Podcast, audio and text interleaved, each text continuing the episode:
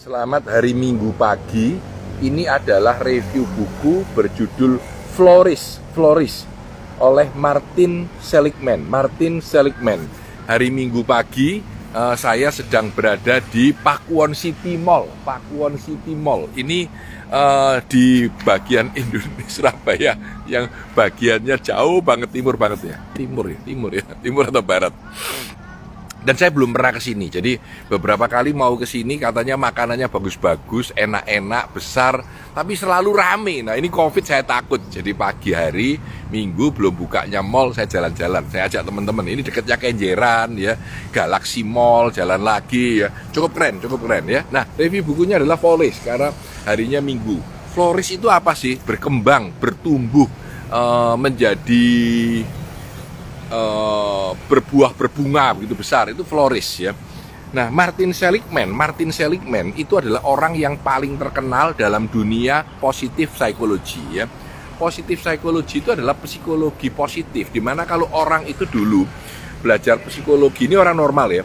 Jadi orang itu adalah orang yang depresi, stres, ya ini ditarik kembali ke normal. Ini psikologi dulu. Nah, Martin Seligman ini adalah leader atau pemimpin sejak 30 tahun lalu rasanya ya dia ini mencoba membuat orang normal bagaimana sih supaya optimis, supaya peak performance, supaya bahagia, supaya flourish, supaya mengalami well-being. Nah, ini disebut positif psikologi, ke atas positif ke bawah negatif. Nah, Martin Seligman terkenal dengan salah satu bukunya namanya Authentic Happiness. Bagaimana kita menjadi happy. Menurut dia ada tiga fase. Happiness pertama itu pleasure, kenikmatan, kenikmatan tubuh, pijet, makan enak itu itu itu pleasure. Yang kedua engagement. Engagement itu flow, mengalami uh, hanyut dalam pekerjaan. Itu itu engagement. Jadi uh, kuat dalam hubungan kita dengan dunia luar, dengan dunia kerja itu engagement. Dan yang ketiga meaning, menemukan arti dalam hidup ini. Jadi Martin Seligman bilang authentic happiness itu ada tiga. Tiga-tiganya ada, tidak apa-apa. Salah satu ada, sudah cukup. Tapi paling baik tiga-tiganya ada. Dan pleasure yang paling rendah, yaitu kenikmatan tubuh. ya. Yang kedua adalah uh, apa namanya engagement ya atau mengalami keterlibatan dalam hidup ini dan yang ketiga adalah meaning menemukan arti semakin bawah semakin bagus semakin happy nah flourish flourish ini beda dengan happiness happiness itu jadi sekedar bahagia flourish ini tumbuh berkembang menjadi lebih hidup ya jadi dia membuat teori namanya eh, bagaimana supaya orang itu flourish dan dia membagi menjadi sebentar Nah, dia membagi menjadi berapa ini? Ah, 1 2 3 4 5 6 7. 7 poin ya. Yang satu adalah positive emotion emosi positif hari ini aku seneng banget ya hawanya seger hari minggu tidak ada matahari ya jalanan tenang ya. Ini positive emotion. Yang kedua engagement atau interest. Jadi engagement tadi saya sudah cerita ya. Semakin terlibat dengan pekerjaan saya sedang melakukan review buku saya happy banget ini ya. Jadi saya terlibat banget perasaan saya saya ikut melakukannya. Dan yang ketiga meaning dan purpose. Ya ini makna dan purpose ya. Ini semua ada di happiness tapi ada lebih lagi nanti ya jadi meaning dan dan purpose punya tujuan, punya makna dalam hidup ini. Wah, aku bekerja keras karena ingin menaik hajikan kedua orang tuaku selagi mereka sehat. Misalkan begitu. Itu meaning, menemukan arti di dalam kehidupan kita. Aku bahagia sekali karena anakku sudah besar-besar, sudah besar, sudah bisa cari uang sendiri. Itu meaning, ya meaning. Lalu yang berikutnya yang nomor empat adalah self esteem. Saya merasa bangga, saya merasa bahagia, saya merasa positif tentang diri saya sendiri ini disebut self esteem ya. Self esteem ini yang keempat. Lalu yang kelima Martin Seligman bilang adalah optimism. Memandang dunia depan itu dengan lebih positif. Positivism ya, positif uh, optimism, optimism. Jadi saya ulangi, positive emotion, engagement atau interest, meaning atau purpose, self esteem, optimism. Lima. Yang keenam adalah resilient. Resilient itu adalah perasaan kita untuk bisa bertahan. Jadi begitu kena COVID, oh kita bertahan tetap ya. Begitu kerjaan berat, oh kita tetap bertahan, tetap mau lebih kerja, lebih lebih bagus ya. Ini ketika something goes wrong in our life, kita take a long time to get back to normal, tapi kita merasa bertahan, kita mampu untuk bertahan. Ini yang keenam, ya, yang keenam, yaitu resilient, resilient ya. Jadi resilient dan yang terakhir adalah positive relationships atau positive relationship ini adalah orang-orang yang care dengan kita dan kita care dengan orang lain ya. Nah, ini juga penting karena kita bukan hidup sendiri tapi punya orang yang kita cintai atau yang kita sayangi atau orang yang menyayangi dan mencintai kita. Itu positive relationship. Jadi ada tujuh tadi itu ya, emosi yang positif, keterlibatan kita dengan dunia, menemukan makna, ya, mempunyai self esteem, rasa harga diri yang tinggi, ya, optimisme, ya, resilient, rasa bertahan, dan yang terakhir adalah positif relationship, hubungan yang positif. Nah, uh, thank you to yang knowledge ya teman-teman. Nah, teman-teman sekalian, buku ini mengajarkan how to, bagaimana kita bertahan ya. Contohnya resilient resilient itu yang paling kuat grit namanya teorinya. Di sini ditulis juga tentang grit ya. Lalu dia menulis tentang bagaimana setiap negara itu berbeda. Bahkan dia sudah melaunching saya lupa datanya sebentar ya di 28 negara kalau nggak salah saya kemarin cari nggak ada Indonesianya seberapa bertahannya orang flourish di dalam negara-negara itu negara mana yang punya positif emotion tinggi yang punya happiness tinggi. Dulu saya ingat uh, datanya Butan katanya. Butan itu punya positif happiness yang tinggi ya. Jadi uh, nah saya tidak nemu datanya. Jadi negara-negara itu dibagi dan dites sama dia. Saya lupa berapa banyak yang dites ya. Berapa banyak yang merasa bahagia di dalam negara-negara itu. Nah, lalu bagaimana mereka bereaksi terhadap kehidupan? Saya ingatnya dulu Indonesia ini nggak terlalu jelek, masih termasuk tinggi, bahkan lebih tinggi daripada China pada saat itu. Jadi artinya secara kasar, uh, nah ini ini ini ini data lain, ini data dari saya pernah lihat ini reviewnya. Ini menarik ini menarik. Ya.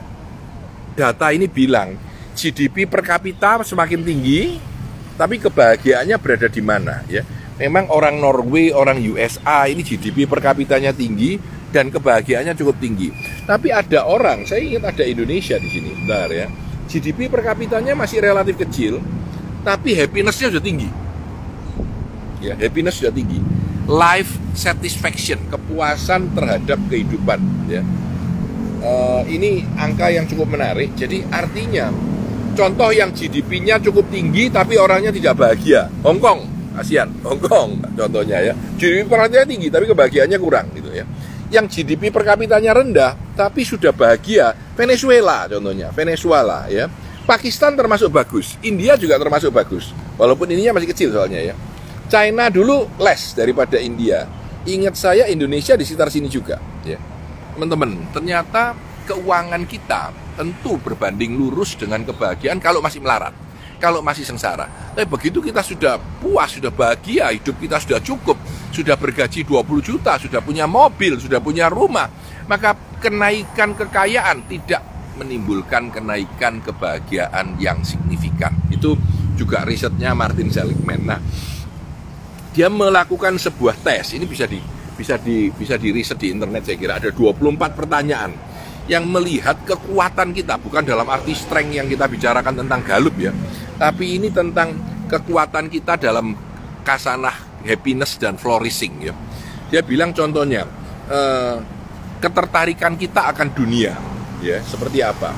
Kemauan kita untuk belajar, keterbukaan pikiran kita dan pemikiran kritis ya. Lalu originality kita dalam menghadapi kehidupan sehari-hari atau street smart itu juga penting ya. Lalu social intelligence, kemampuan kita bercakap-cakap dengan orang, berbaik dengan orang. Lalu perspektif, kacamata kita bagus nggak? Ya. Lalu yang kelima bravery, keberanian kita bukan artinya berani berantem, berani apa? Berani nggak melangkah, berani tidak mengambil langkah dalam kehidupan. Lalu nomor delapan diligence atau perseverance. Jadi kita sembilan integrity. Oh. Ke sepuluh kindness and generosity. Bagaimana kita baik hati dan mau memberi kepada orang.